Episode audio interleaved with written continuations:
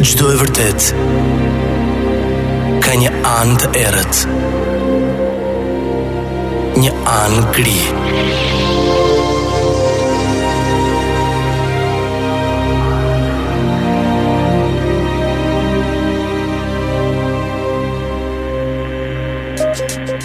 Histogri. Në Top Albania Radio.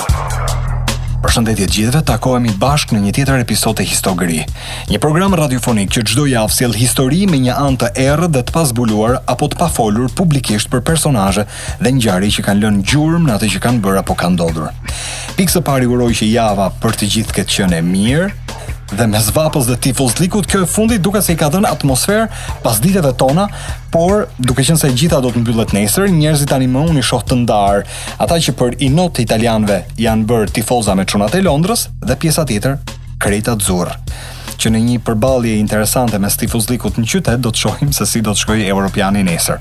Ndërkohë, Uh, unë e di që shumë mund të jeni në makinë tani, logjikisht është pasdite, keni pas një ditë plazhi apo jeni në lëvizje me miq, familje etj etj dhe është radio.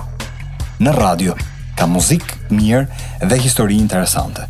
Sidomos histori atyre që ju interesojnë apo ju fiksojnë, histori që janë me dritëhije dhe që janë për t'u zbuluar apo për t'u folur në çdo rast.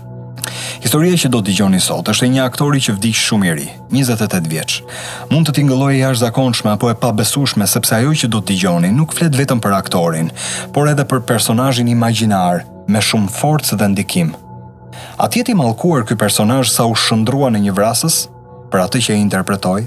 Historia e çuditshme dhe e veçantë që do t'ju tregoj sot është ajo e aktorit Heath Ledger dhe po aq personazhit të 1001 dinamikave me emrin Jack Napier, ose quajtur ndryshe Jokeri. Good evening, ladies and gentlemen. We are tonight's entertainment. I only have one question.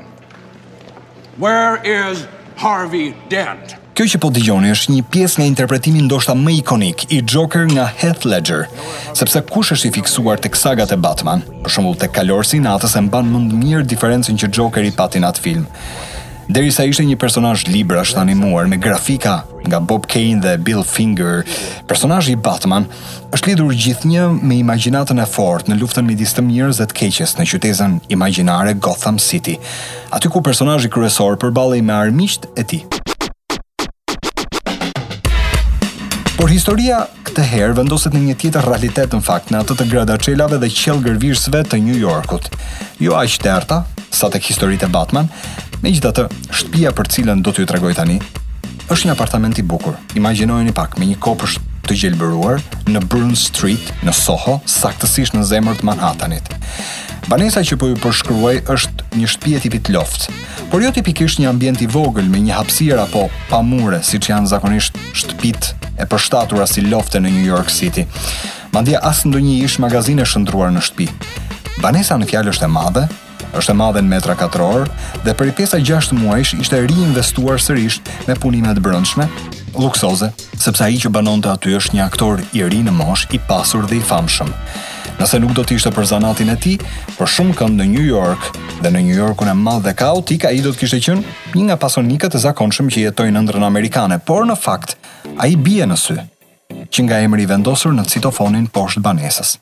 Ledger. Heath Ledger.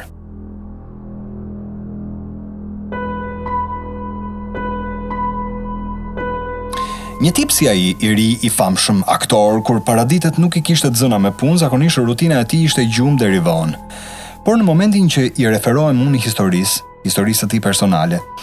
Ai ishte në xhirimet e filmit The Imaginarium of Dr. Parnassus me regjizorin Terry Gilliam.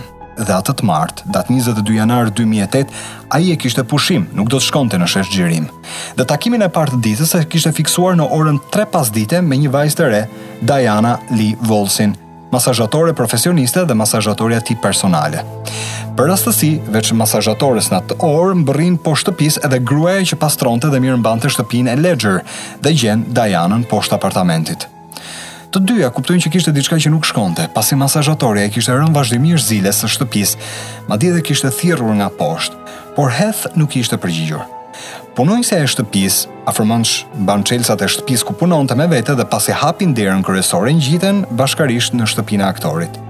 Dhe sapo hyjnë, kuptojnë që ai është në shtëpi. Kjo nga mënyra se si ishen vendosur edhe orenditë dhe rrobat e tij personale. Por Heath gjendet në dhomën e gjumit. I shtrirë në shtrat, mes çarçafësh dhe pa rroba në trup. E megjithëse, Revista e njohur Empire dekadën e shkuar e pati zgjedhur mes 100 meshkujve më seksi në atë kohë. Imazhi që panë ato dy gra nuk ishte ai i kopertinave apo filmave, përkundrazi. Dukej menjëherë që Heath Ledger kishte vdekur. Can't take my eyes off of you.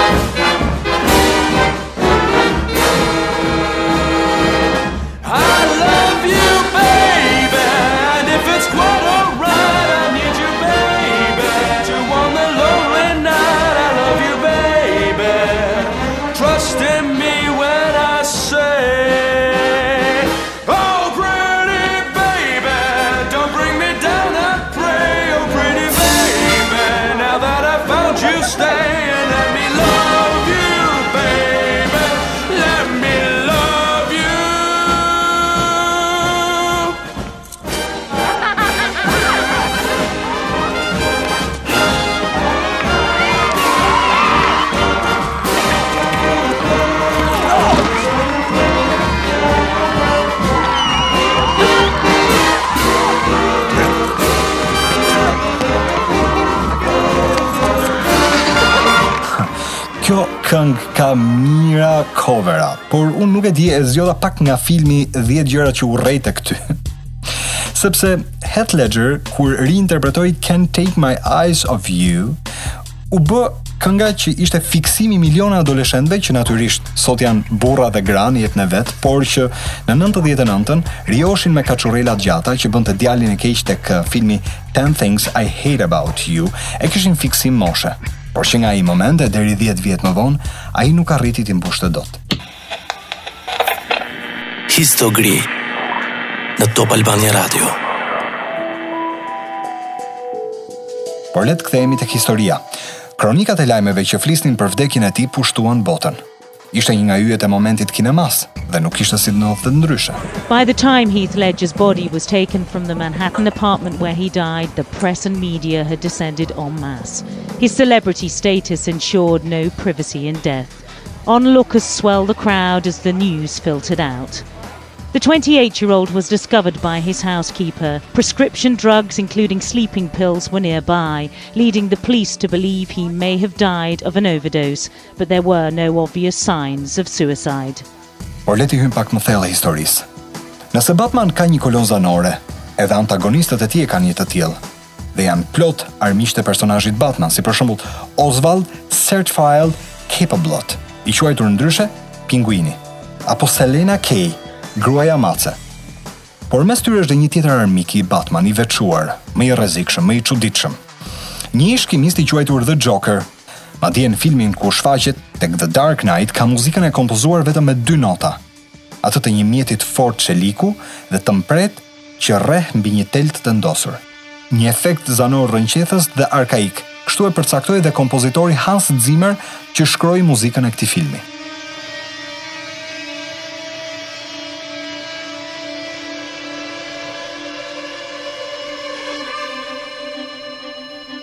Por për aktorin që interpretoi Jokerin, Po binte një tjetër lloj tingulli. Ishte zhurma e alarmit të makinave të policisë që mbërritën në apartamentin e tij shtatë minuta pasi Ledger u gjet i vdekur nga dy gratë që telefonuan menjëherë numrin e emergjencës, nëntë një një.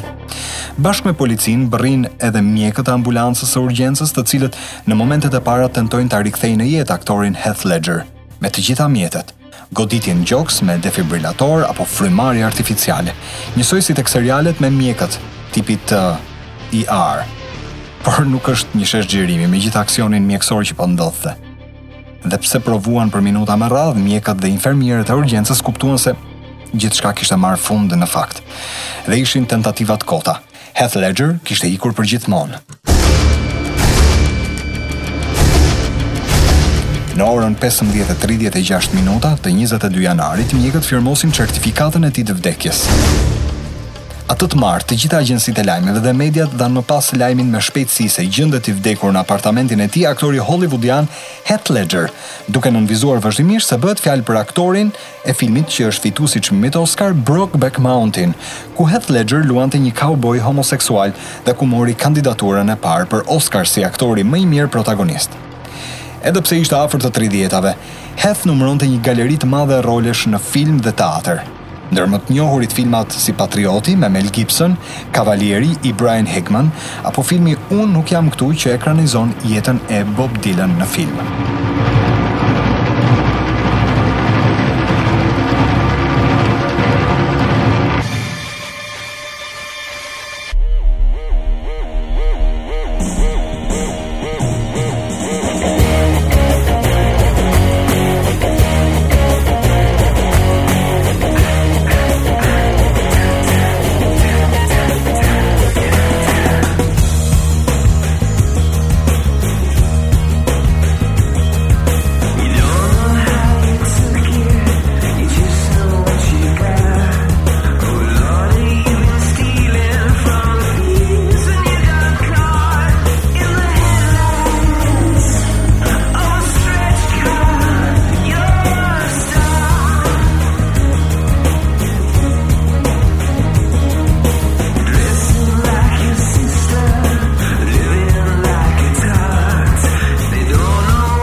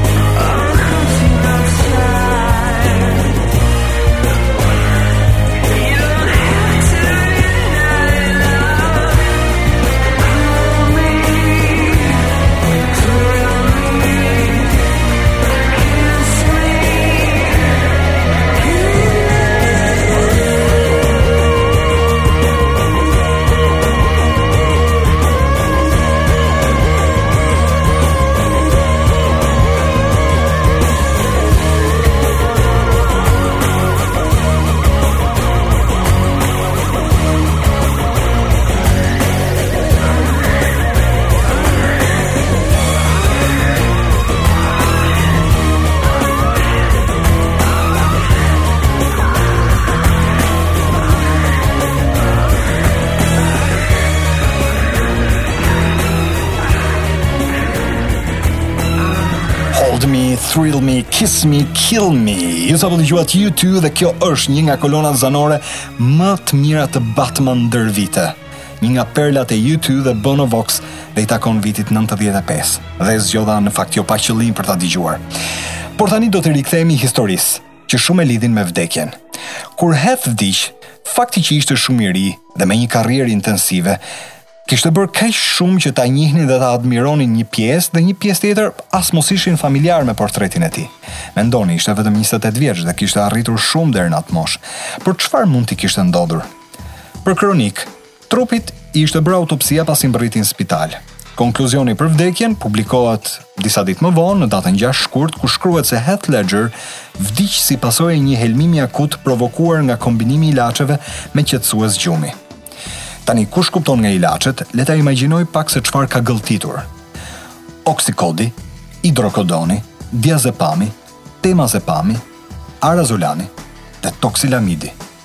Domethënë, unë kur po verifikoja mbi uh, këto ilaçe, mendoja se si mund t'i ketë mbledhur në një grusht dhe të ketë gëlltitur këtë miks ilaçesh qetësues dhe antidepresantë që i sollën efektin vdekjeprurës. Pra një overdozë ilaçesh që provokuan menjëherë një krizë kardiake paraditen e asaj të marte. Po kur një i ri, i pasur, bukurosh, dhe që duket sikur çdo gjë në jetë i shkon për mrekulli, humb jetën në rrethana të tilla.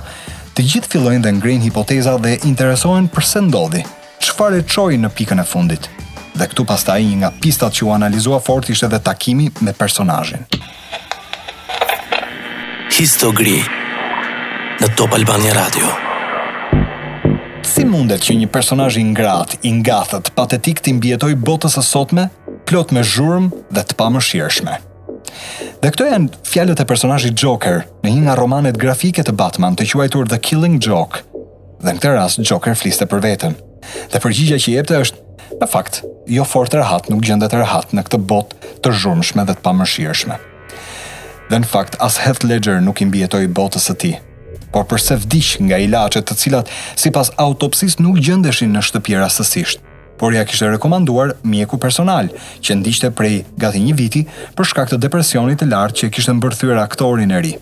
Por sidoqoftë, udhëzimi ishte t'i merrte në një tjetër formë dhe jo të gjitha njëherësh dhe t'i merrnin jetën. Dhe ndalemi pak tek mënyra, të gjitha ilaçet bashkë, tipike për të shkuar drejt vetëvrasjes.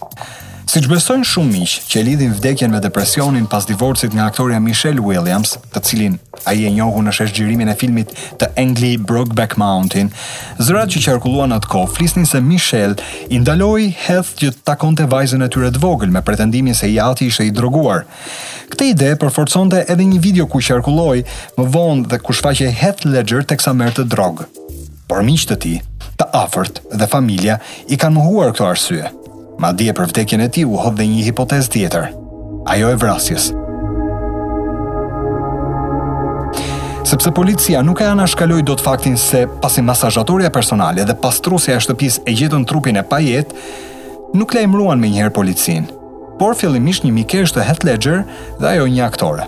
Masazhatorja arsyetoi më vonë në shpjegimet që dha se këtë e bëri nga frika dhe paniku. Dhe me gjithë dyshimet, ajo në fakt asnjëherë nuk u ngarkua me përgjegjësi për këtë. Pra pse u vonua të telefononte policinë. Megjithatë, zërat në internet, që flisnin për një pistë të vrasjes, nuk u shuan kurrë, dhe jo nga një person real, por krejtësisht nga një person imagjinar, fiksional, nga Jokeri. Dhe këtu filloi t'i jepej zë tezës se Jokeri ndikoi në vetëvrasjen e Heath Ledger. Armiku më i betuar i Batman, personazhi që interpretoi vetë Heath Ledger para se të vdiste.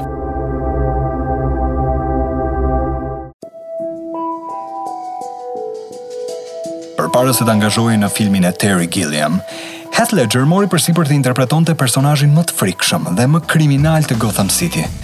Personazhit të shpërfytyruar nga një aksident që e kishte inatin me të gjithë botën – Jack Napier, sipas romaneve të Batman, ishte një kimist i dështuar, një humorist po ashtu i pazoti dhe që më pas u shndërrua në një kriminel. Një ditë, Jack grabit laboratorin me substanca kimike ku kishte punuar dhe për faj të Batmanit përfundon në një pellg acidi dhe shndërrohet në Joker. armikun kryesor të Batman. Në filmin The Dark Knight të Christopher Nolan, Heath Ledger interpretonte pikërisht Jolin, dhe nuk kishte qenë e lehtë për Ledgerin dhe vetë ai e rrëfen këtë në një intervistë personale kur tregon për një teknikë të vjetër që mësohet nga Actor Studios në Hollywood ku E kanë mësuar në fakt dhe emra të tjerë si Marlon Brando apo Robert De Niro dhe teknika në fjalë konsiston në përvetësimin totalisht të sjelljes së personazhit në aspektin personal. Kjo për të arritur perfeksionin në interpretim. Rolin Heath qëndroi i mbyllur gati një muaj në hotel, duke lexuar romane thriller dhe duke parë filma horror në televizion. Sipas teknikave të mjeshtrit të aktrimit të Actor Studios, Lee Strasberg, Heath nuk duhet të hiqet sikur është një psikopat vrasës, siç ishte Jokeri. Ai duhet të jetë vërtet një i tillë, duke lëvizur, ecur dhe menduar si negativi Joker. Ditët që qëndroi i mbyllur, Heath Ledger mbante një ditar ku shkruante të gjitha mendimet dhe ndjesitë e tij. por jo të vetat personale, por ato të Joker, me të cilat njësohej gjithmonë e më shumë.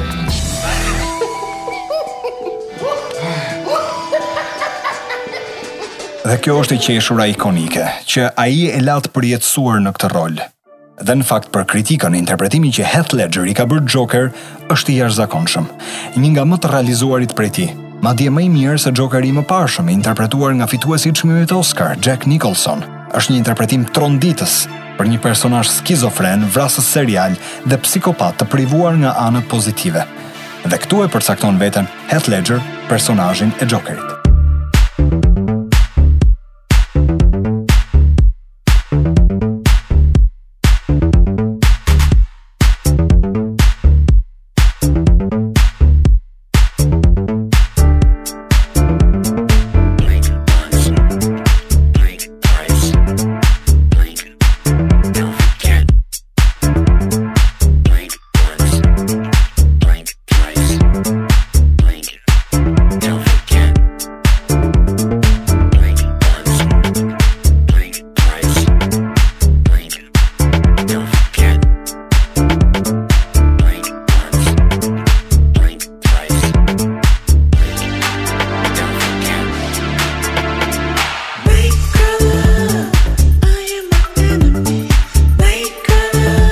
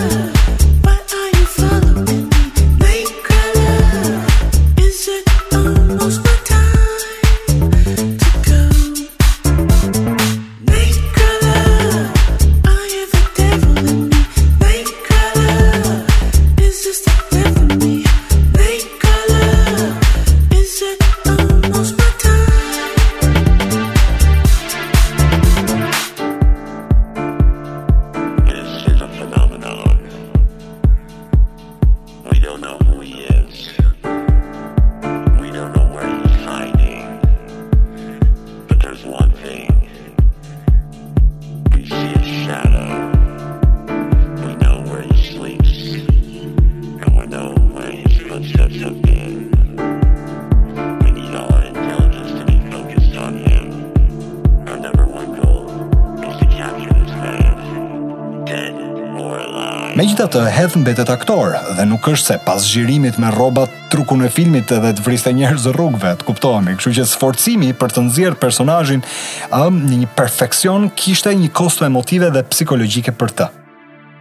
Ai pohon vetë se ka pasur net që kalonte vetëm me 2 orë gjumë. Edhe më parë ai përdorte ilaçe gjumi, por pas angazhimit me këtë personazh, iu desh të shtonte dozën e qetësuesve. Ai nuk arrinte dot që pas punës të shkëpuste trurin nga roli dhe sjellja e tij reale, nga ajo e filmit derisa vdiq. Por a është e vërtetë kjo hipotezë? A të ketë qenë vetë Jokeri, me gjithë kompleksitetin që mbart, që e çoi në vdekjen e aktorit?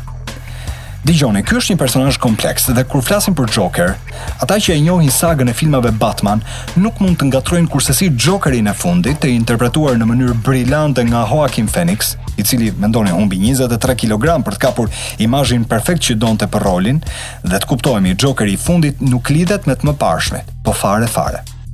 Dhe për këtë, shumë që fjala vjen për shembull nuk kanë para asnjë film të Batman, mund të krijojnë dhe një ide të gabuar. Megjithatë, Jokeri për shembull tek Suicide Squad, që e tentoi dhe Jared Leto, ai sa ai u bë dhe xheloz pse nuk ishte Jokeri real tek filmi i Todd Phillips, edhe pse Jared nuk pati me Joker shkëlqimin që donte, ai është një rol kompleks. Dhe kush e merr përsipër ka pasoja për këtë dhe e di mirë, jo për sakrificat që janë normale për një aktor, por për pasojat që roli lë më pas. Joaquin Phoenix tregonte se i duhej të rifitonte peshën dhe të rigjente veten pasi u mbyll gati një muaj e ca në spital për të patur një detox nga roli, sepse e tillë ishte kostoja që mori përsipër. Do të luante Joker dhe e dinte që do të kishte pasoja psikologjike më pas, sepse në film, për ata që janë besyt, e dinë që ky